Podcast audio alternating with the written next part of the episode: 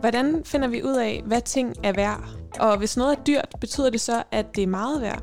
Og hvad så med de ting, der ikke bliver købt og solgt på et marked? Hvad er de mon værd? Og hvad med for eksempel naturen, miljøet og klimaet? Og hvorfor er det egentlig, at økonomer de gerne vil sætte priser på alle mulige ting, der måske ikke nødvendigvis de umiddelbart virker som ting, man skulle sætte priser på? Trade deal between the United States and China. En periode med arbejdsløshed i Danmark. Arbejdsudbuddet vokser, men nominalt princip, der lige så langsomt udhuler blandt andet boligbeskatninger. Finanstilsynet advarer nu mod den digitale myndighed. Pengene skal kunne flytte sig med lynets hast hen over grænserne mange gange om dagen.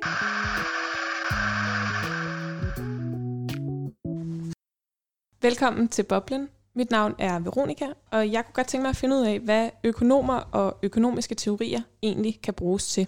Og derfor så har jeg to økonomer med mig i studiet. Hej, jeg hedder Joachim, og jeg er den ene af dem. Jeg er økonomistuderende. Og hej, jeg hedder Mads, og jeg er så den anden, og jeg er økonom.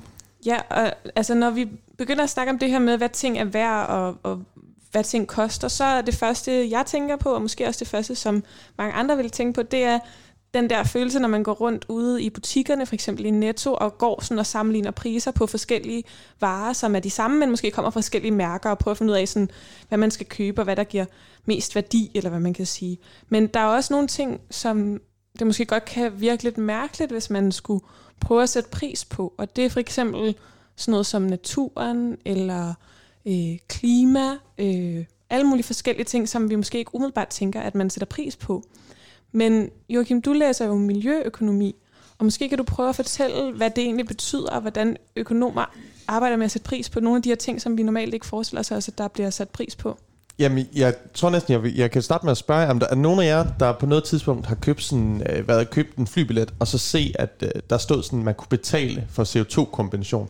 Ja, det kan, det kan Har nogen af jer prøvet at købe, sådan, øh, købe noget af det der, eller betale for det? Nej, jeg har ikke prøvet at købe jeg har at købe jeg, har, jeg, har, jeg har læst, at det er hoaxes. okay, okay. Jeg er i forvejen så dårlig samvittighed, så jeg bare... okay. Nej, Jamen, det, det er meget fair, fordi det er jo egentlig, der sætter vi jo faktisk pris på klima, eller her er det så et, et, et, et, en måde at sætte pris på carbon eller CO2.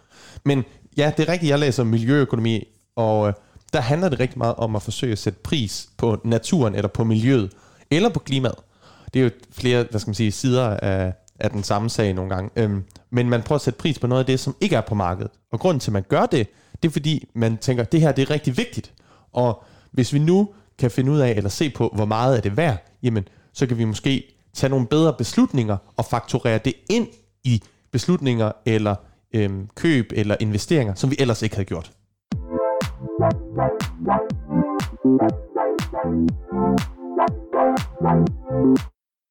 Det er, ja, det, det glæder mig til. Det er noget af det, vi skal, vi skal snakke om i dag. Det er sådan, jamen, hvad gør man, og hvordan kommer det her til at fungere i praksis? Fordi det er nemlig en tanke, som har fyldt rigtig meget i politik, og det er den, en måde, man har forsøgt at lave miljøpolitik på. Ja, og Joachim, du har jo øh, været ude og, øh, og snakke med nogen, der kan prøve at hjælpe os med at, at blive lidt klogere på, hvad det egentlig, hvad det egentlig er, det her øh, går ud på. Jeg har været, øh, jeg har snakket med, øh, jeg kan sige, på grund af hele covid-19-situationen, så er det via, ja, det er de på øh, teleløsninger, som, øh, som de så fint siger det på, på, på, på P1, hvis man, hvis man har hørt det. Men jeg, jeg har snakket med, øh, med Inge Røb, som er professor på, øh, på Aalborg Universitet, og som har beskæftiget sig med miljø i mange år. Jeg hedder Inge Røbke, øh, og jeg er professor i økologisk økonomi på Aalborg Universitet ved Institut for Planlægning. Ja, og Inge øh, siger nu, hun er professor i, i økologisk økonomi, som, som, hun, øh, som hun kalder det, og der øh, har hun beskæftiget sig med, med miljø og klima og de her spørgsmål gennem lang tid, og også netop, jamen, hvordan skal vi bedst lave miljøpolitik, eller hvad er vigtigt for den måde, vi opfatter miljøet på, og er det for eksempel ved at sætte pris på det. Og jeg, jeg vil lige starte med at spille sådan øh, et klip, fordi hun snakker om, hun har nemlig været med i, til det her i mange år, og, og har haft blik for det med klimaet lang tid før øh, os andre. Altså, ja, jeg begyndte, mig, øh, begyndte at interessere mig for miljø i slutningen af 80'erne. Øhm, og hvis vi ser på perioden siden da, så kan man sige, at der er alvoren gået op for de fleste. eller for mange flere. Ikke? På det tidspunkt, der var, det jo, der var der jo, altså især blandt økonomer, øh, var, det, var der rigtig mange, der overhovedet ikke havde forstået, at det her det var alvor. Ikke? Øh, og der synes jeg nok, at der er vi et helt andet sted i dag. Øh, desværre kan man sige, at samtidig er der jo sket det, at fordi vi ikke handlede dengang, så er situationen ganske utrolig meget værre, end den var dengang. Ikke? Så øh, altså, man kan godt nogle gange blive lidt frustreret over at tænke over, hvor meget bedre en situation vi ville være i i dag, hvis vi omkring 1990 øh, havde taget fat og begyndt at, at for alvor gøre noget ved det på det tidspunkt. Ikke? Øh, men øh, nu øh, kan man sige, at jeg, jeg kan ikke øh, huske tallene præcis, men jeg tror, det er noget med, at man siger, at siden 1990 er der udledt lige så meget CO2 som i hele den forudgående periode til sammen. Det er jo helt vildt, ikke? At, øh, at vi har forværret vores situation så meget i, i den periode, der er gået. Ja, Inge, hun øh, starter med at rise situationens alvor op. Det er noget rigtig råd. Og, og jeg ved ikke, om, om vi, altså om der, der er en, der fortælle lidt om, sådan, hvordan har I oplevet, eller klima og miljø og naturspørgsmål er blevet vigtige, hvordan har I, hvordan har I oplevet det, eller er det noget, der er kommet til at fylde, synes I, mere på den politiske scene?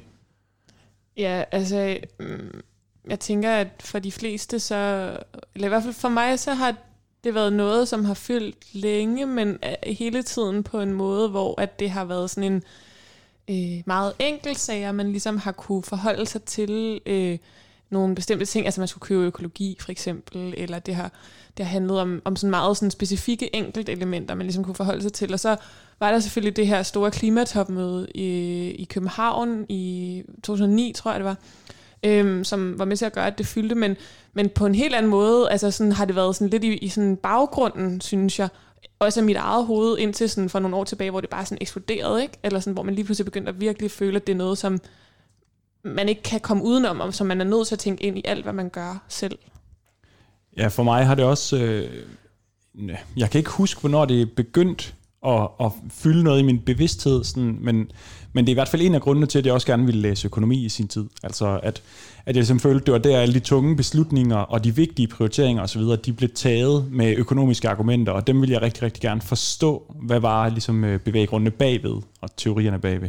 Ja, nu fortalte jeg jo, at at meget af det, man gør, i hvert fald i miljøøkonomi, det handler at se på, prøve at se på, nat, hvordan naturen er værd. Og, og ingen fortæller, at der er ligesom flere aspekter i det her. Jeg tror først, jeg gerne vil understrege, at det der med at sætte værdi på naturen kan betyde to forskellige ting. Øh, på den ene side, så kan det bruges til at træffe beslutninger. Det vil altså sige, at man kan prøve at sætte værdi, altså prøve at sætte pris på noget, som ikke normalt har en pris. Ikke? Det er det, man gør i cost-benefit-analyser. Og der bruger man så den form for værdisætning til at træffe beslutninger med. Så det er ligesom en måde at sætte værdi på naturen. En anden måde, det er at prøve at påvirke adfærden ved at øh, lægge afgifter på ting. Det kan jo også, være, det kan også nogle gange blive kaldt at sætte pris på naturen. Og jeg vil meget gerne skælne imellem de to ting, fordi jeg synes, det er meget misvisende at træffe beslutninger på grundlag af denne her slags øh, fiktive værdisætninger. Øh, mens jeg ikke har spor imod, at man prøver at påvirke adfærden øh, ved hjælp af afgifter osv. Øh, man skal bare ikke tro, at øh, denne her afgift på en eller anden måde skulle være et udtryk for, hvad øh, naturen virkelig er værd osv. Så, så, øh, så man kan sige, øh, når man prøver at sætte værdi på naturen øh, for at træffe beslutninger, så vil man typisk gøre det øh, samtidig med, at man tager alle andre priser øh, for at være rigtige og givende. Og det er der, hvor jeg synes, at det bliver et forkert beslutningsgrundlag. Øh, og hvor jeg synes, man skal have andre former for beslutningsgrundlag end, end priser. Nå, men det, jeg kan lige, lige kort forklare her, fordi at Inge snakker om, at man kan tage beslutninger ud fra, at vi værdisætter natur, og der er det med afgifter. Og det med afgifter, det findes i mange sammenhænge. Vi har afgifter på benzin og sådan noget, men så er der det med at tage beslutninger. Det er det meget af min øh, uddannelse handler om. Så hun går faktisk, hun går faktisk i rette med meget af den undervisning, jeg har haft, og siger, hun synes, at vi skal bruge noget andet til at, at tage nogle af de her beslutninger. Fordi når man laver de her beslutninger, så ser man på, jamen, hvor mange omkostninger er der, og hvor mange fordele er der. Og så prøver man at regne dem om til kroner og øre, og så skal vi ligesom få det til at give et plusstykke. Så hvis naturen er meget værd, jamen så kan det betale sig, eller så er det en god idé at lave miljøforbedrende tiltag, eller gå ind og, og forsøge at øh, dæmpe klimaforandringerne, eller måske helt fjerne, hvis man kan det. Øhm, men, men der, der, det er, hvad hedder det, det, det er Inge lidt mere skeptisk for. Men hvis vi lige skal dykke lidt mere ned i, hvad, hvad det handler om, eller, øh, så, så, så på den anden side af en, af en skiller, så kan vi lige høre, hvad, hvad Inge egentlig mere synes er vigtigt, eller hvordan er det, at det bliver brugt i praksis, noget af det her? Du lytter til Boblen på Radio Loud.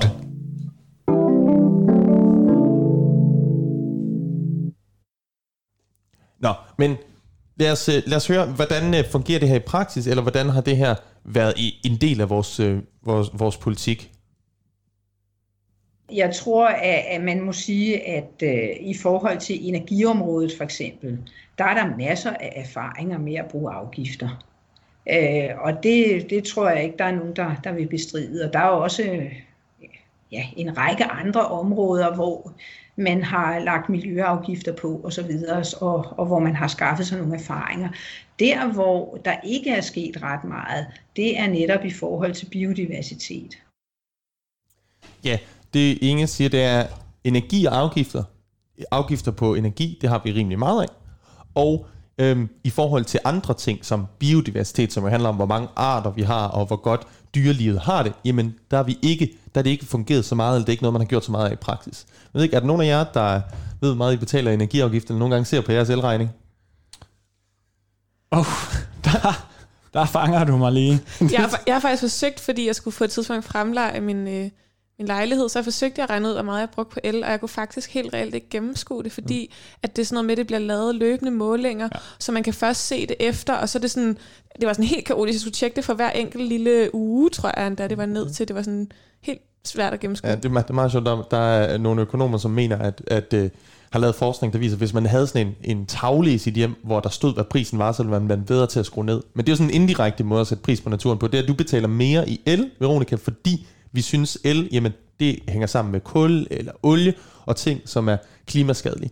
Men, øh, men nogle gange, så er der også andre ting. Jeg ved ikke, øh, om der er nogen af jer, der synes, at det er, altså, er der nogen af jer, der synes, at der giver til, hvad hedder det, Verdensnaturfonden eller andre ting, der beskytter dyr, eller har, har nogle gange har snakket med nogen, som, øh, som, som betaler til sådan det der med, at det er vigtigt at bevare dyrelivet? nej, nej, altså, men jeg, kender, jeg, jeg, kan godt, altså, jeg, jeg kender godt til, at der er rigtig mange, der gør det. Jeg tror, for mig så har det været øhm, mest øh, noget, der har været i min bevidsthed, eller noget, jeg har tænkt over, og måske været på nippet til at gøre i forbindelse med alt det her med øh, sådan skovafbrændinger, mm. og, øh, og især sådan med Amazonas, der var her for nylig, ikke? Øhm, som, som var rigtig hæft, altså, som der var rigtig meget diskussion om, og som gjorde, at jeg synes, der kom mere fokus på, sådan, hvordan fanden skal man lige stille op med den altså, situation? Jeg må indrømme, jeg gør det ikke så tit, som jeg måske gerne ville. Øhm, men jeg prøver sådan for så vidt muligt at, at tilpasse min adfærd til at købe genbrug og sådan den type beslutninger, eller at bruge forskellige søgemaskiner, der planter træer, i stedet for at bruge overskud til deres øh, til at betale dividender og så videre. Øh, jeg øhm, kunne lige sige Ecosia til lytterne, er det ikke det, det hedder? jo, det, det hedder den. Øhm, jo, lige nøjagtigt. Og og, og det er jo sådan nogle ting, hvor man ligesom som individ prøver at sige, okay, hvad kan jeg ligesom gøre? Men jeg har det bare også lidt sådan med de der øh, donationer til forskellige øh, velgørende organisationer osv., at det, jeg føler, at det er så lille en dråbe i vandet, og at udfordringerne, de er så enormt store, at der skal nogle strukturelle ændringer til, for at det virkelig rykker noget. Altså nogle, nogle afgifter for eksempel, eller et eller andet. Jamen, det, det, det er jo så også det, noget, det Inge fortalte mig, at det, det vi, der hvor hun synes, at man virkelig skulle gøre noget, det var at smide nogle afgifter på, nogle af, på den adfærd, som, som øh, også har miljøskadelige bivirkninger, eller som hvor en del af det, der sker, det er skadeligt for miljøet. Men det er lidt sjovt det der med, at man kan betale for ting. Det er sådan en, en lidt mere klar måde at sige, okay, det her det er vigtigt for mig, så at betale. Men nogle gange så er der jo mange ting, som vi ikke er opmærksomme på. Og der siger Inge, jamen der kan der godt være en idé ved at, øh, ved at værdisætte noget af det her. En ting er at øh, diskutere, skal man lave værdisætninger og så videre øh, på mikroplan. når man laver forskellige mikrobeslutninger. Og noget andet er, er det her makroproblemstilling omkring BNP, og hvordan man øh, skal gøre i, i forhold til, til øh, at, at regne alternativer til BNP eller modificere. Og hvis vi lige først tager det med det mikromæssige, så vil jeg godt anerkende, at nogle gange, øh, så kan det have effekt i konkrete situationer. Øh, om man prøver at, øh, at spille med på den der slagmark. Øh, og, og eksempler på det, det er for eksempel øh, øh, i Københavns Kommune, hvor man begyndte at lave cykelregnskaber. Ikke? Det, at man øh, lavede cykelregnskaber, det kunne man så blandt andet bruge til at øh, sige, at øh, når man kører på cykel, øh, så er sundhedsgevinsten, jeg kan ikke huske, om det er 6 eller 7 kroner per kilometer, men altså det er i den størrelsesorden. Ikke? Så hver gang vi cykler, så øh, sparer samfundet altså, eller producerer sundhedseffekter for en 6-7 kroner. Ikke? Det kan blive et vældig stærkt argument for, at vi skal have nogle bedre cykelstier. Ikke? Så i det, i, den, i det slagsmål, som man for eksempel kan have med Finansministeriet om cost-benefit-analyser osv. på konkrete områder, der kan det godt betyde noget, at man ligesom kan hive den der op af hatten. Så der er flere ting i, i det, Inge siger her. Hun snakker både om sådan, jamen hvad på, på helt på landeplan, at der så det der med, at, at vi ikke tæller naturen med, jamen at giver det mening i forhold til øh, at, at vi, det, vi skal se på, hvor meget sker der med vores natur eller med vores skov sådan på, på, på landeniveau, og så snakker hun sådan helt specifikt i forhold til et, et konkret øh, emne, som for eksempel at, at cykle, at, at hvis vi regner på, hvad det egentlig værd, fordi at det, det, det er godt for vores helbred, jamen at så er der faktisk en, en værdi af den, som vi måske ikke går og tænker over.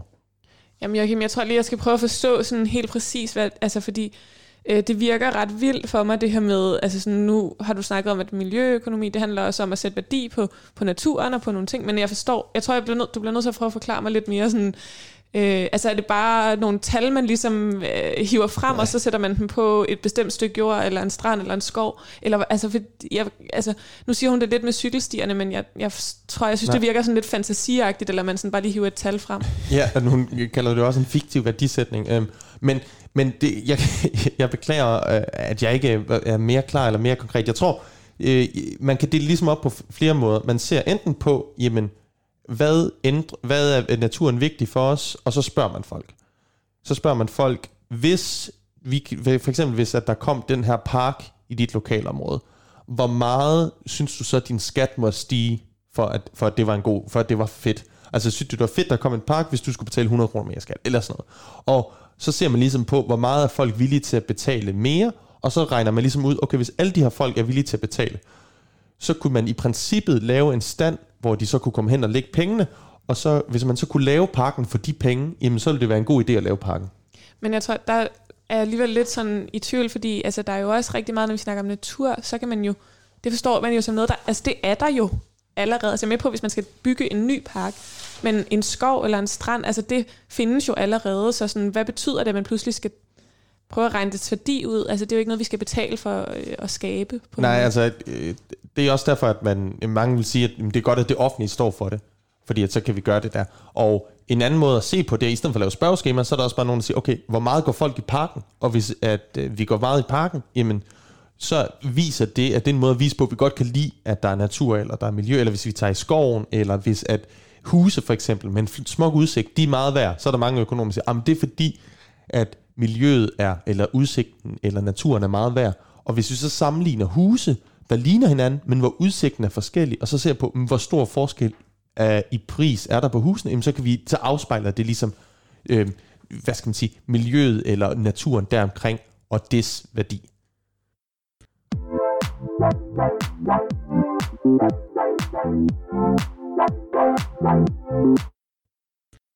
Nå, men, men, øh, men det spørgsmål er jo så, jamen, hvad pokker, at kan vi så bare regne alting ud, og så finder vi ud af, hvad, øh, hvad, hvad, hvad, hvad der er det bedste at gøre, eller hvad, hvad med alt det politiske i det her?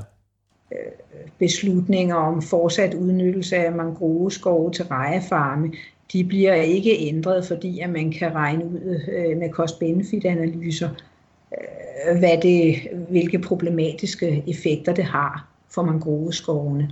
Fordi det er simpelthen slet ikke det, der er afgørende.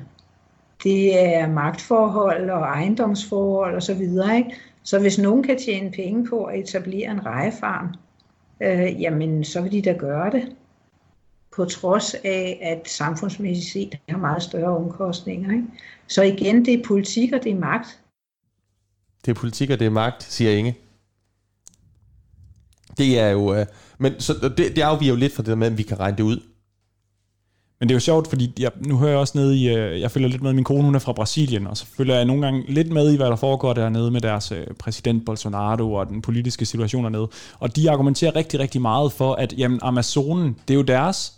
Så vi europæere og, øh, og resten af verden, vi skal overhovedet ikke blande os i, hvordan de udnytter deres ressourcer. Hvis de vil brænde den af og anlægge sojamarker, eller, eller hvad de nu gør, så, øh, så er det jo ikke vores problem. Men er det ikke også noget med, at der, altså fordi der kan man sige, øh, altså der er jo også et, et kolonialt perspektiv i det, og sådan noget, som også gør, at, at altså når man sidder i Europa og sådan noget, man, altså der er nogle, en masse historie, som også gør, at det er meget konfliktende, eller hvad man skal sige, og begynder at blande sig i, i sydamerikanske øh, affærer. Men, og det skal man selvfølgelig tage højde for, men, men øh, altså lige præcis med sådan noget med afbrænding af skov, der handler det jo også om øh, altså CO2 og, øh, og den udvikling. Øh, og der har jeg bare, synes jeg bare, jeg har læst om sådan øh, altså forsøg med at prøve at, øh, at sagsøge for sådan luftforurening for eksempel, og sådan noget, fordi at det ligesom på en eller anden måde er vores allesammens levegrundlag, når luften bliver forurenet. Ja, altså det er jo sådan en rettighedsbaseret tanke, hvor man siger, at vi har ret til ren luft, så hvis der er nogen, der forurener den rene luft, jamen, så, så, er, det, så er det deres skyld, og vi, de burde egentlig erstatte os, fordi de har ødelagt noget, som skulle være vores alles. Og der er mange øh, sådan nogle miljøøkonomiske beregninger, hvor man sådan prøver at sige, men hvor meget er folk villige til at, hvor meget synes man, at, at ren luft er værd? Det synes folk er ret vigtigt. Så derfor så har det en stor værdi for os. Og, og at man så prøver at lave sådan nogle beregninger, som er kommet med i retssager, hvor man sådan siger, okay, fordi det er mega svært at sige, jamen du har ødelagt vores ren luft, hvad pokker skal vi gøre?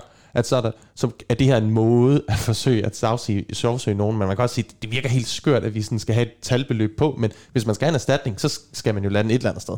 Men både med det her med, med luftforurening, som, som der er måske er nogle virksomheder eller nogle biler og lastbiler og transport osv., som forurener en by, og så også det her med den omvendt positive effekt, at der er nogle træer, der står og suger noget CO2 ud af luften og, og giver os noget ild tilbage. Det er jo sådan nogle, det man kalder i økonomisprog nogle eksternaliteter. Altså det vil sige, det er ligesom nogle ting, der ligger uden for markedssystemet, og derfor så er det meget, meget svært at sætte en pris på og finde ud af, hvad er værdien egentlig af de her ting. Ja, og det bliver ikke nemmere af, at at det, det er meget forskelligt og meget kulturelt bestemt. En af de ting, man, man jo nogle gange snakker om i en dansk kontekst, det er med, jamen det er vigtigt, at vi er rige, eller vi har mange penge, fordi så kan vi bruge penge på miljøet, og så er miljøet vigtigt for os. Men der snakker Inge faktisk også lidt det der med, jamen miljøet er vigtigt for os alle, og for mange mennesker, også selvom man ikke har særlig mange penge. Den der idé om, at øh, man først interesserer sig for miljø, når man er nået op på et vist øh, indkomstniveau, den øh, kan man i høj grad sætte spørgsmålstegn ved. Fordi altså for det første kan man sige, at dem, der har en høj indkomst, er som regel også dem, der har de største miljøeffekter. Så det kan godt være, at de pusser glorien med nogle økologiske varer og sådan noget, men altså de reelle miljøeffekter er jo meget større end dem, der er fattige. Ikke? Men en anden øh, ting, det er øh, noget af det, som øh, Joan Martinez Allier har arbejdet med, det han kalder The Environmentalism of the Poor. Øh, Øh, hvor han argumenterer for, at øh, rundt omkring i, i ulandene, der er det sådan set de fattige, som er de vigtigste til at prøve at forsvare naturen. Øh, fordi det er, der, det er dem, der ligesom slås derude, hvor øh, vi prøver at inddrage stadig flere ressourcer. Ikke? Så det er dem, der prøver at passe på mangroveskovene og på skovene på landet og øh, på naturen de steder, hvor øh, virksomheder øh, prøver at udvinde forskellige ressourcer og dermed kommer til at ødelægge øh, naturen. Altså det kan være etablering af alt muligt fra guldminer til øh, olieudvinding og, og så videre. Ikke? Så meget ofte er det egentlig de fattige, som er miljøaktivisterne og som dem, der, der kæmper øh, ude på, på grænserne der, hvor øh, vi prøver at udvinde ressourcerne. Det er faktisk noget, man også har sagt historisk set. Det der, at dengang man forsøgte at, at sådan fra at, at gå mere op i, eller lave mere miljøbeskyttelse på global plan i, øh, i FN, så, så, så en af de ting, som man fokuserer meget på, det var, at der er rigtig mange folkeslag rundt omkring i verden, som faktisk har det i deres tradition, eller i deres tro, eller deres levemåde, at være meget tæt sammen med naturen, og derfor er den vildt vigtig for dem. Der tænker jeg også, at der er jo også noget i, altså øh, nu hvor vi sidder og, sådan og tager udgangspunkt i sådan at kigge på økonomi og sådan noget, så er der vel også noget med sådan økonomiske systemer og sådan noget. Altså vi, øh, altså at vi er i et system lige nu, hvor at det handler om ligesom at udvinde værdi og producere værdi, sådan, og man kan, så man kan noget, noget værdi, man kan sælge, så man kan få noget profit. Altså, så der er vel også noget med, at vi har vel også et bestemt altså, system, som fremmer, at man måske ikke passer så godt på, øh, på miljøet. Øhm. Jamen det er, og det er jo netop det med, at man gerne vil gøre det op i penge, og så se på, hvad er pengeværdien af det her? Ja, og noget af det, der slår mig, det er, sådan, man, man taler jo ikke bare om sådan, øh, altså klima og global opvarmning, øhm, men vi var også inde på i starten om det her med biodiversitet som et eksempel. Man har talt om de her syv planetære grænser, som blandt andet den danske forsker Catherine Richardson forsker rigtig meget i. Øhm, og en af de ting, jeg nogle gange overvejer, det er, hvor svært det egentlig er, også for os øh, økonomer, at ligesom prøve at sammenligne de her forskellige øh, planetære grænser, og så sige, okay, jamen, der er en eller anden grænse for biodiversitet, og der er en grænse for, øh, for global opvarmning, og for øh, fosfor, og så videre, og hvordan kan vi egentlig sådan finde ligevægt, så at sige, mellem dem, hvordan kan vi ligesom sammenligne de forskellige ting, og sige noget om, hvor meget det ene er værd i forhold til det andet, og så videre.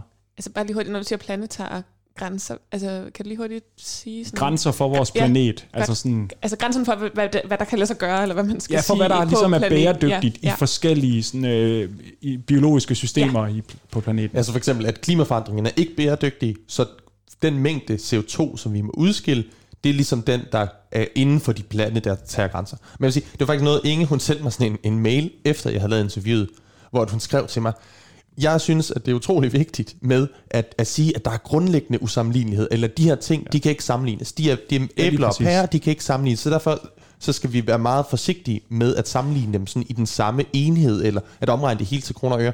Så det, der, der, der siger hun faktisk noget af det, som du er inde på der, Mads, at det er vildt vigtigt, at vi fokuserer på, at noget kan være vigtigt for os, men det betyder ikke, at vi kan veje dem op mod hinanden en til en, men at de al, hver især skal være vigtige, og så må vi ligesom tale os frem til, hvad er det vigtigste for os at tage beslutninger derudfra.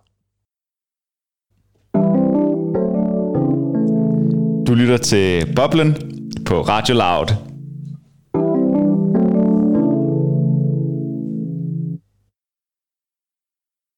Okay, og nu har vi hørt lidt fra, fra Inge omkring øh, miljøøkonomi og kritik af det her med at sætte værdi, og hvad det kan bruges til, øh, og hvordan det er blevet brugt øh, gennem den tid, hun har, har beskæftiget sig med det her område. Men øh, det kunne også være rigtig spændende at komme lidt mere ned på sådan et konkret plan og se sådan på nogle eksempler. Der har du været ude, Joachim, at finde en, der kan fortælle lidt om et mere konkret eksempel på det her. Ja, nu siger du en. Han er, han er faktisk min vejleder på mit speciale, kan jeg, kan jeg godt fortælle, jeg, hvor jeg skriver om klimaforandringer. Men øh, Jens, som han hedder Jens Friis Lund, der er professor på Københavns Universitet, han ved også rigtig meget om det her med at lave markeder for naturen, eller det der med at forsøge at sætte pris på øh, miljø og natur. Mit navn er Jens Friis Lund, og øh, jeg arbejder til daglig som professor i politisk økologi på Københavns øh, Universitet. Nå, men noget af det, Jens han særligt har beskæftiget sig med, det er et projekt, som er et kæmpestort projekt i forhold til at være skarp på at reducere drivhusgasser. Og det er et projekt, der hedder Red Plus. Og det er noget, som man har, har gjort i, på international plan for at stoppe afskovning. Og afskovning, det var noget, vi snakkede om før. Det er, at der bliver fældet træer, og der bliver brændt træer, og der sker rigtig meget, som reducerer skovmassen. Der er rigtig meget, der skal bruges i produkter, som gør, at vi får mindre skov. Og det er en afgørende faktor i klimaforandringerne, fordi at træer, de binder CO2. Men, men før at jeg lige hører jer, så tror jeg, jeg vil lade Jens fortælle lidt om, hvad er det egentlig, det her projekt, som han har forsket i, hvad er det, det går ud på? Tilbage i 2005-2006, hvor Red ligesom øh, kom på banen globalt, jamen der var ideen, at det skulle blive en del af sådan et, et globalt, øh, det man kalder et cap and trade øh, marked. Så under FN-forhandlingerne på det tidspunkt, så var der stadigvæk en ambition om, at man kunne, at, man kunne, øh, at alle lande skulle have nationale emissions øh, mål, og hvis man så ligesom kom, kom længere end, end de mål og havde et overskud, så at sige, af emissionskreditter, så kunne man handle med andre lande, og Red Plus skulle ligesom være en del af det store globale marked. Det marked er så aldrig rigtig materialiseret. Siden da er Red Plus øh, så blevet en, til en række processer på nationalt niveau. Det er ikke alle lande i dag, der har skov og land use med i deres emissionsregnskaber, som de melder ind til, til FN. Men, men det er så Red Plus-processen ligesom en del af at, at hjælpe lande til at opgøre, hvor, hvordan deres skovressource og den carbon, der er bundet i skovressourcen, egentlig udvikler sig. Derudover så er der en række projekter. Øh, nogle af dem er mere eller mindre 100% øh, finansieret af, af hvad hedder det, offentlige midler, af bistandsmidler. Nogle er sådan en øh, delvis finansieret af offentlige midler, men ellers så har private aktører skudt penge i det. Og, og nogle af de projekter, de genererer så kreditter, så det vil sige, at projekterne opstiller en, en historisk øh, sådan reference for, hvordan en skovressource har udviklet sig i et givet område, og så implementerer de så nogle restriktioner, eller prøver at beskytte den her skov, og ændrer dermed øh, en afskovningsrate, formindsker en afskovningsrate, og binder dermed mere carbon, end hvis, de ikke, hvis projektet ikke havde været der. Og det bliver så til, til carbon-kreditter, som, øh, som så bliver solgt på det, man kalder det, det frivillige marked. Og det frivillige marked, det er simpelthen virksomheder eller individer, der gerne vil enten have et grønt image, eller offsette øh, deres øh, emissioner i forbindelse med privat forbrug eller, eller virksomheders øh, udledninger af CO2. Og de kan så købe de her kreditter, øh, som, er, som er skabt via en, en, en sænket afskovning i, i nogle projektområder, typisk i det globale syd. Så Jensen siger mange ting. Han siger først og fremmest, at emissioner, som er et andet ord for drivhusgasser, det har man forsøgt at lave et helt marked for på verdensplan. Det gik ikke. Så er det mere blevet fokus på, om vi skal være hvor meget opmærksom på afskovning, og hvor meget det forsvinder. Og så er det nogle helt specifikke projekter, hvor man siger, vi giver jer nogle penge, så skal I lade være med at fælde jeres skov. Og det, der gør, det at I ikke fælder jeres skov, det gør, at der bliver optaget mere carbon, eller mere CO2, end der ellers ville være blevet. Og derfor så får vi ligesom nogle carbonkreditter eller certifikater. Det var dem, jeg snakkede om, at det der i starten, hvis man, når man går ind og køber fly, jamen så kan det være sådan nogle der, man kan købe, hvor man siger, fordi de her penge gik til et projekt, der gjorde, at folk ikke fældede træer, jamen så er der blevet øh, mindre CO2 øh, i verden, end der, eller i atmosfæren, end der ellers ville have blevet, og så derfor så har det en værdi, eller det, har, det er en måde, at, øh, at det har værdi på. Og det er smart, fordi vi kan give penge til nogen, som kan få penge, og så får vi noget, vi gerne vil have, mindre afskovning. Ved du, hvem det er, man giver penge til? Er det svenske skove, er det danske skove, eller hvem er det? Altså Jensen siger jo typisk i det globale syd, og det der er globale syd, det er et andet udtryk for lande, som øh, historisk set ikke har haft den samme øh, stigning i, i, i BNP, eller hvor økonomien ikke er ligesom øh, stor, hvis man måler på, hvor, hvor meget der bliver produceret i kroner og øre per indbygger. Øhm, så det er typisk Afrika, Sydamerika og Sydøstasien, som man vil betegne som det globale syd.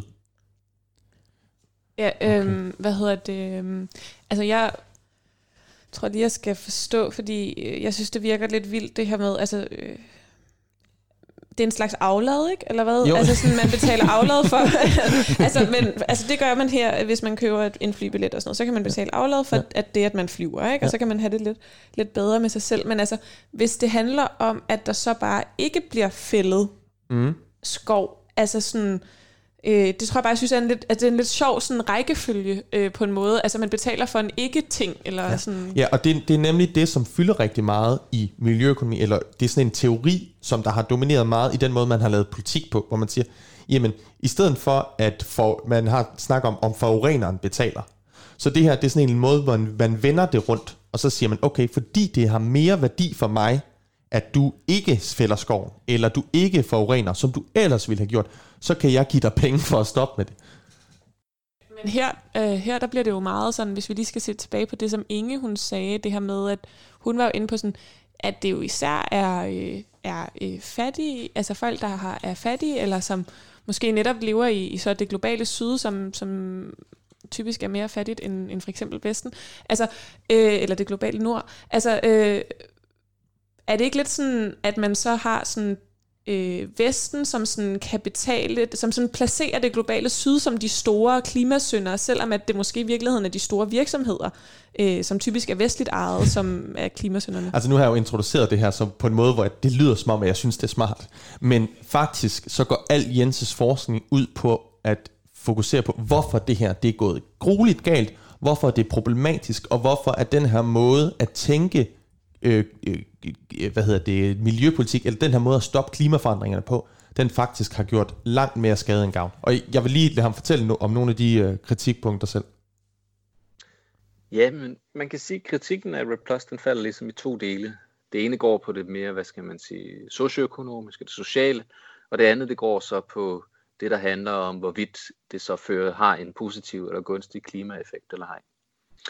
Så hvis vi starter med det sociale, jamen øh, så en, en helt grundlæggende kritik, øh, det er, at, øh, at Red Plus, det ligesom er et koncept, en idé, som så skulle tillade øh, rige lande og rige borgere i, i, det, i det globale nord at fortsætte med deres forbrug, nogen vil endda sige overforbrug, mens øh, folk i fattige lande så må indrette sig for ligesom at være dem, der, der bidrager til at afbøde øh, klimakrisen. Og det, det, der, det der så været kritik af, at det skaber, hvad skal man sige, ulige, yderligere ulige muligheder for udvikling. De, der i forvejen lever i fattige samfund, hvor der måske er behov for infrastruktur, investeringer, og hvor man måske har brug for mere landbrugsjord, og dermed har brug for at, at rydde skov, jamen de skal så ligesom holde tilbage for deres udviklingsmuligheder, for at dem i det, i det, i det globale nord, i rige lande, øh, kan fortsætte med, med former for forbrug, som nogen måske vil sige ikke er absolut nødvendige, som for eksempel øh, at flyve øh, flere gange om året i forbindelse med turisme.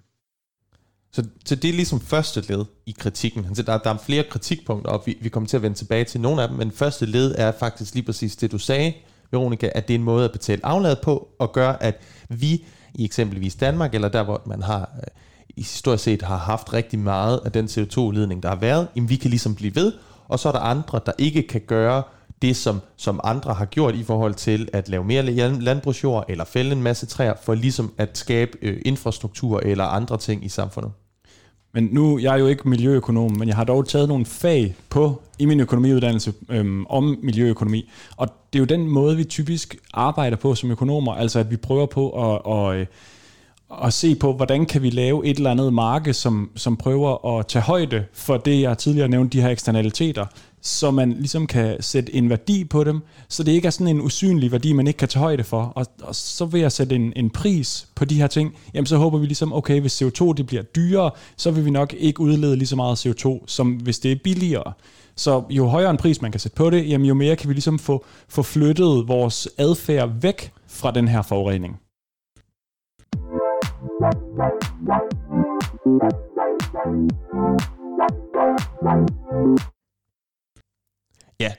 det er jo så et aspekt af det her, men, men Jens han, øh, han har flere kritikpunkter at fortælle om. Derudover så er der spørgsmål omkring jordrettigheder, fordi øh, Red Plus, øh, da der ligesom kom interesse for det her fænomen, jamen så så man jo, øh, hvad skal man sige, kapitalstærke interesser, virksomheder og investorer øh, flokkes om at købe jord i det globale syd, for at, ligesom at lave de her projekter. Og man har så ofte set, at, øh, at de fattige mennesker, der lever i de områder, hvor man så vil lave sådan et projekt, jamen de mister deres eksisterende jordrettigheder. Nogle gange på ret illegitim vis, bliver simpelthen franaret deres jordrettigheder, eller bliver, øh, eller bliver på voldelig vis øh, simpelthen skubbet væk fra den jord, som de er dybt afhængige af. Derudover så øh, er der, øh, har forskningen ligesom vist øh, på de her projekter, at, at ofte så, jamen, så skaber de fattigdom der, hvor de finder sted.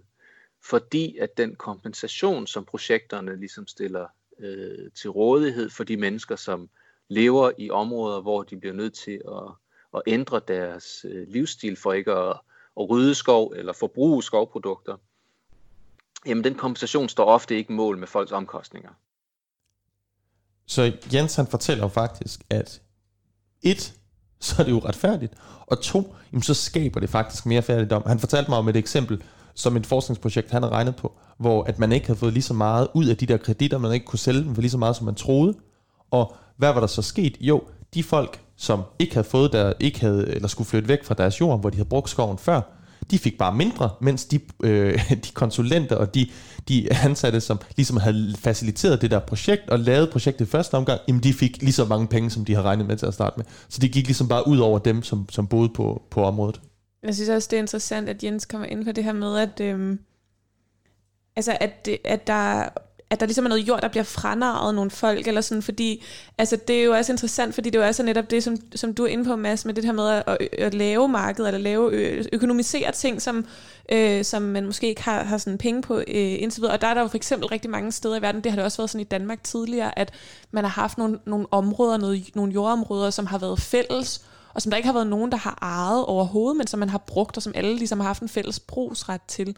Og så sker der ligesom det, at der måske ikke er nogen, der har øh, ejerskab, øh, og som så kan gå ind, og, og så er der nogle, nogle virksomheder, der kan gå ind og claime ejerskab, og som måske har råd til at hyre en hel masse advokater og sådan noget. Det synes jeg bare også er ret interessant i det her perspektiv, altså at sige sådan, det handler også om at trække et bestemt system ned over hovedet på nogen. Men jeg tror ikke kun, det er sådan nogle fælles områder, der ligesom bliver taget fra nogle fattigere mennesker. Altså nu har der jo lige været den her sag, og nu kommer jeg ind på Brasilien igen, men nu har der lige været den her sag med, øhm, med det her øh, varmeanlæg i København, som jeg ikke kan huske, hvad hedder lige nu, men som importerer biogas fra, øh, eller biobrændsel fra Brasilien. Og der har kørt de så, jeg tror det var TV2, der kørte den historie, hvor der er nogen, øhm, ligesom øh, ligesom nogle, nogle øh, virksomheder i Brasilien, nogle store virksomheder, som ligesom går ind, og så, så claimer de bare, altså de, de siger bare, nu det her land, det er vores, selvom der bor nogle fattige bønder derpå, som dyrker jorden selv, og så kører de sådan en sag i retten, og øh, siger, jamen kan I bevise, at det er jeres, og så videre, og så på grund af det sådan lidt korrupte retssystem dernede, jamen så ender de faktisk med at slippe afsted med bare at tage jorden til så at dyrke, ja, biobrændsel, eller hvad det måtte være. Ja, jeg tror også, der skal vi også lige være, altså nu siger, nu siger Jens også fra nar, og der, der skal vi måske også lige passe på, at altså, det handler jo også om, at, at øh, de her virksomheder har et øh, kæmpe arsenal øh, af, af for eksempel advokater og sådan noget, og der findes jo også øh, mange historier i forskellige lande, blandt andet især lande, der måske er militariseret på grund af borgerkrig og sådan noget, hvor der også bliver brugt øh, paramilitære grupper til at, øh, at faktisk tvinge øh, bønder væk. Så det er jo ikke fordi, det handler om, at der er nogen, der sådan ikke er i stand til at, øh, at gennemskue et system, men det handler sådan set også om vold og, og magthierarkier. Ja, ja, lige præcis. Og nu har vi jo så, nu har vi, sige, nu har vi set, at øh, det kan skabe fattigdom, det kan være vildt uretfærdigt, men det må da være godt for klimaet, eller hvad? Hvis vi så tager det i forhold til, om Red Plus har en gunstig klimaeffekt, jamen så er der en række kritikpunkter i forhold til den her, især i forhold til den her projektmodel. Det ene, det er det, der man kalder additionalitet. Og det handler om, hvordan vi kan være sikre på, at et, et RED-projekt rent faktisk skaber yderligere emissionsreduktioner? Kan vi være sikre på, at et projekt virkelig øh, gør en forskel i forhold til at forandre øh, de, øh, det, det, det kulstof, der bliver bundet i en given skov? Øh, og for at være sikker på det, jamen, så skal vi jo ligesom vide, hvad der ville være sket, hvis det projekt ikke var kommet til et givet område. Og det er jo en hypotetisk situation, så det er meget svært at etablere den her additionalitet meget overbevisende. Og det er ret, hvad skal man sige, oplagt for de, der udvikler sådan et projekt, at prøve at skrue lidt på øh, den baseline, man laver, for at, at give indtryk af, at man som projekt har leveret en hel masse CO2-kreditter, for det er jo det, der giver indtægten til projektet. Ja, så man prøver ligesom at, at, at lade, få det på papiret til at se ud, som om det her projekt virker helt vildt godt, men i virkeligheden, så ved vi faktisk ikke, om det virker. Jens, her derudover det, han nævner her, så nævner han også, at der kan være det, man kalder lækage. Det betyder, at, at hele den her afskovning, jamen, den kommer måske i et andet sted, i Malaysia eller Indonesien, hvis bare vi stopper med at afskove lidt i, i det her sted. Og så nævner han også, jamen, alle de her skovbrænde, som vi ser, når, de, når, når når skov brænder af, så kommer der jo masser af CO2 ud, så vi kan ikke engang være sikre på, at hvis der kommer, hvis vi lader være med at fælde skoven, og at der, og der, der bliver bundet noget CO2 i de her træer, at det så bliver ved med det. Men det kan være, at, at når der går lidt tid, jamen, så, så, for, så kommer det ud i atmosfæren igen. Og så spurgte jeg ham, jamen med alt det her, uretfærdighed, fattigdom, ingen klimaeffekt, så må der være sket et eller andet. Er, der ikke, altså, er kritikken blevet hørt? Jamen, øh, er kritikken blevet hørt? Jamen, det er den på nogle måder, men så også igen på andre måder overhovedet ikke. Og øh, lige fra starten, da Red blev lanceret, jamen der var øh, civilsamfundsorganisationer og repræsentanter for indfødte folk og sådan noget, de var jo vågne og kunne godt se, hvilken vej det her ligesom øh, gik og var med det samme ude og kræve, øh, hvad skal man sige, at, øh, at der blev taget hensyn til, til fattige mennesker og indfødte folk øh, i forbindelse med implementeringen af det her. Og det førte til sådan en hel, hvad skal man sige, øh, at en hel her af konsulenter og forskere og alle mulige andre, de Øh, satte sig ned og skrev øh, lange rapporter om, hvordan man skulle tage de her hensyn, det man kom til at kalde social safeguards. Øhm, men på trods af det kæmpe arbejde, der er blevet lagt i det. Jamen, når vi så kigger på de projekter, der er blevet til noget, når vi kigger de steder, hvor Red Plus ligesom er landet på jorden, og blevet til konkrete projekter med, med, hvad hedder det, med forandret forvaltning af skove og pengeflows og sådan noget, jamen så er der overvældende evidens for, at det har haft meget negative sociale konsekvenser for de fattigste øh, og, og skovafhængige mennesker øh, jorden rundt. Ja, så det er, sku, det er lidt en trist historie, den her med Red Plus. Og Jens han fortalt, at han arbejdede i Tanzania, hvor der faktisk var en politik, en skovpolitik, der skulle stoppe skov, afgrænsningen af skov, men at fordi det her Red Plus kom i stedet for, så blev den let stoppet, og så endte det med, at, og det nu virkede Red Plus heller ikke, og så var der ingenting, der kom til at virke. Jeg skal bare være sikker på, at jeg forstår. Så han siger jo i det her klip, at at det er særligt, de, altså han nævner specifikt de skovbaserede, eller jeg kan ikke huske, hvilket ord han præcis brugte. Øh, skovafhængige. Skovafhængige mennesker, som, som var blevet, øh, ja, som havde tabt på det her. Men nogle gange, så er der jo nogen, der taber, og nogle andre, der vinder, og samlet set er det måske en, en god ting, hvis man kan sige det sådan. Det er jo, det er jo nogle gange det, vi prøver øh, som økonomer at regne ud, hvad er egentlig bedst for, sådan, for hele samfundet. Og har det her så været godt for, altså for kloden? Jamen, det er jo det, han, vi snakkede om, eller det kritikpunkter nævnt før i forhold til klima. Nej, ja, for det har det heller ikke. Det har det heller ikke været. Og han nævnte også et eksempel for mig i Costa Rica, hvor at der var der masse, der havde lobbyeret så det, man havde gjort, det var ligesom, at man havde fået de her penge i de områder, hvor der alligevel ville have kørt projekter. Så sådan, det, dem, der fik noget ud af det, jamen det har været dem, som, han nævnte jo også, jeg nævnte det der eksempel med, at der var nogle konsulenter, du ved, der har arbejdet i et område, og så var det bare de skoverhængige, som havde, de mennesker, der boede der, der havde fået mindre penge ud af det. Så dem, der har vundet, det er måske dem, der har fået penge til deres projekter, og dem, der har og været gode til at lobby for, at de har fået penge ud af det her. Men handler det så om, at man gennemfører de her... Øh hvad skal man sige, jeg ved ikke engang, hvad man skal kalde det her Red Plus.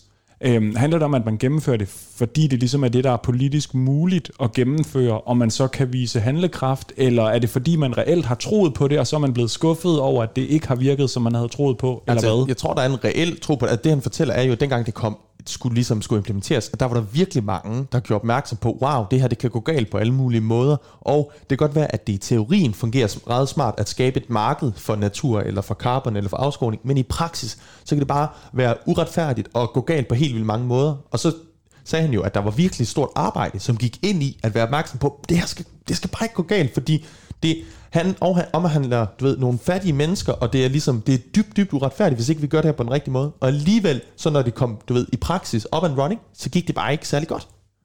Men øh, altså, jeg synes også, det er meget interessant, du siger det her med, at det ligesom, øh, ja, altså det godt kan være lidt farligt at markedsgøre nogle ting, som ikke normalt er inden for markedet, ikke? Eller sådan, at Øh, og, og sådan, jeg kommer også til at tænke på, at det lyder også meget som om, altså sådan, selvom at der har været taget alle mulige forbehold, og sådan alle mulige har prøvet at, at udtænke, hvordan man kunne gøre det på en god måde, så lyder det også som om, at det alligevel stadig meget er noget, der er født af nogle, øh, nogle folk altså i Vesten, der ligesom har skulle lave noget, der kunne hjælpe øh, vestlige virksomheder, eller store virksomheder også, altså andre steder i verden sikkert. Altså, øh, og meget mere end det har handlet om rent faktisk at, at hjælpe øh, naturen og klimaet? Altså er det for groft at sætte det sådan op, eller hvad? Altså inden for, på, nu, jeg har også haft lidt undervisning i det her miljøøkonomi, og, og sådan som jeg har forstået det, så er det jo simpelthen fordi, man prøver på at finde den bedst mulige løsning. Altså ligesom det her optimale, den her øh, fantastiske ligevægt, hvor, ligesom, hvor, hvor, øh, ja, hvor det er godt for samfundet, som jeg var inde på tidligere, hvor der er flest muligt, der får det bedst muligt. Men så er der jo så alle de her usikkerhedsmomenter, og der er tipping points, og der er Altså, der er alle mulige ting, som vi måske heller ikke så let kan måle på, så, så jeg, ved ikke, om det ligesom er noget, der er født i Vesten, eller sådan er nærmest konspiratorisk, eller om det er noget, der ligesom er... Øh, Altså, jeg, jeg tror, når jo mere jeg beskæftiget med det her, det er, at, at øh, så, så er mere set, at, at der er rigtig mange mennesker, som rigtig gerne vil det godt.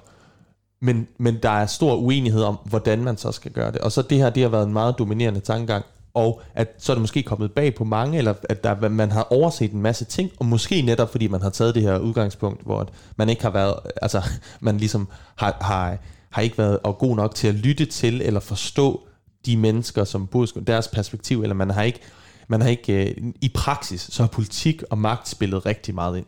Og det, øh, hvis vi kan høre Jens lige snakke om lidt sådan generelt, hvad markeder, hvad, hvad synes han egentlig om sådan den her tilgang til miljøbeskyttelse? Jamen det er jo den her idé om, om, øh, om at hvis, øh, hvis man markedliggør, markedsgør øh, forsyningen af sådan nogle tjenester, jamen så vil øh, forskelle i, hvor effektivt man kan levere de her tjenester, det vil så gøre, at de, der har nemmest ved, og er mest effektive til at levere de her tjenester, det vil så være dem, der byder ind, øh, og dermed kan, øh, kan sælge sådan nogle tjenester til, til den billigste pris.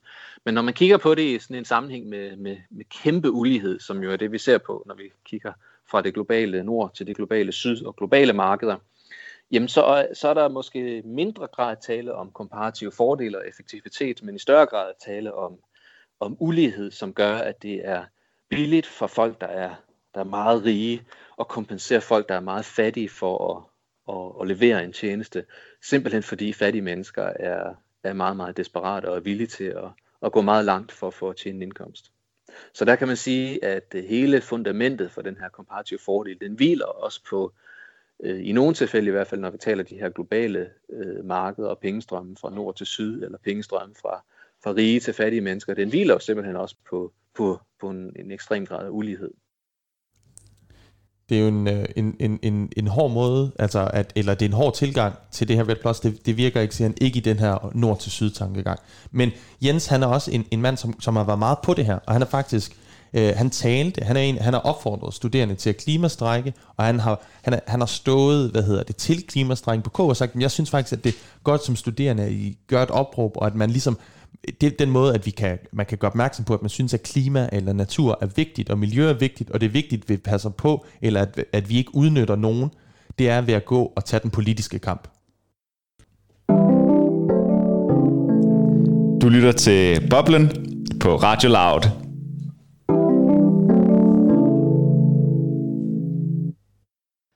Okay, så altså, nu har vi øh, hørt fra, fra Inge, som har fortalt lidt omkring øh, både sådan, altså hendes øh, udfordring, hendes kritik af sådan miljøøkonomi og det her med at, at prøve at sætte øh, beløb på, på naturen, og at det måske er mere hensigtsmæssigt med afgifter. Så har vi hørt et, et meget konkret eksempel på, sådan, hvordan det kan gå galt, øh, når man faktisk prøver at værdisætte nogle af de ting, som, som vi normalt måske ikke lige tænker, der er priser på, altså for eksempel med klimaet. Men jeg kan bare ikke lade være med at tænke, efter vi har hørt de her sådan, kritikker og, og eksempler, sådan, altså var det måske ikke bedre, hvis vi, hvis vi bare sådan lod være med at prøve at økonomisere de her ting, og så forholde os til dem på en anden måde? Altså hvorfor skal der overhovedet sættes priser på dem, hvis det har alle de her negative konsekvenser?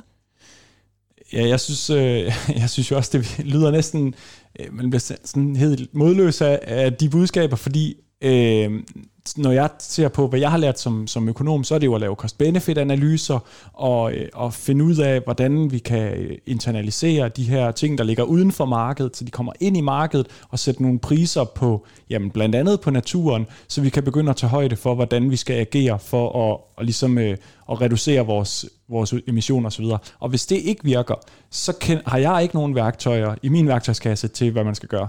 Altså, skal vi så det, gøre? Det, det er både det, som, som Inge og, og Jens holdt fast i, mens jeg snakkede med dem, det var det her med, jamen, systemer er ikke bedre end det politiske, eller de, de er ikke mere miljøbeskyttende, end det politiske ligger op til. Så det her, det handler om politik, det handler om magt, og så kan der være rigtig mange idéer, som er gode i teorien, men i praksis så spiller den, altså de politiske og magtaspekterne, øh, de spiller så meget ind, at det er ligesom dem, der bliver afgørende. Og så så siger de begge to, jamen for pokker, miljøaktivisterne, det er ligesom dem, der kan gøre eller gøre opmærksom på, eller er vigtige i den her sammenhæng. Og vi kan jo se, nævnt Jens, med skolestrækkerne og med, med den her folkelige øh, ændring, eller bevægelsen med klima og sådan noget, gør, at jamen, nu, der, altså, nu øh, snakker man øh, mere ambitiøst klimapolitik i Danmark, end man har gjort før. Så det er ligesom der kampen ligger, og ikke i den der, skal vi gøre det til et marked, eller skal vi lave en værdi, og så tage beslutningen derfra.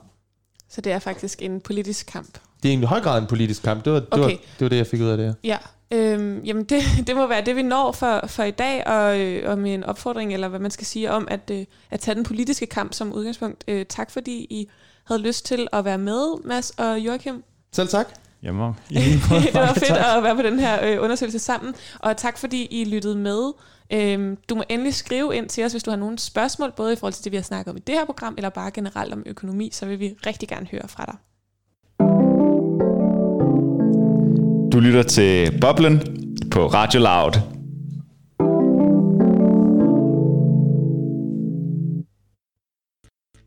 Du lyttede til Boblen. Programmet er produceret af Danske Studerendes Fællesråd, og værterne var Joachim Peter Tilsted, Mads Falkenflet Jensen og Veronika Arnsbøl Schulz.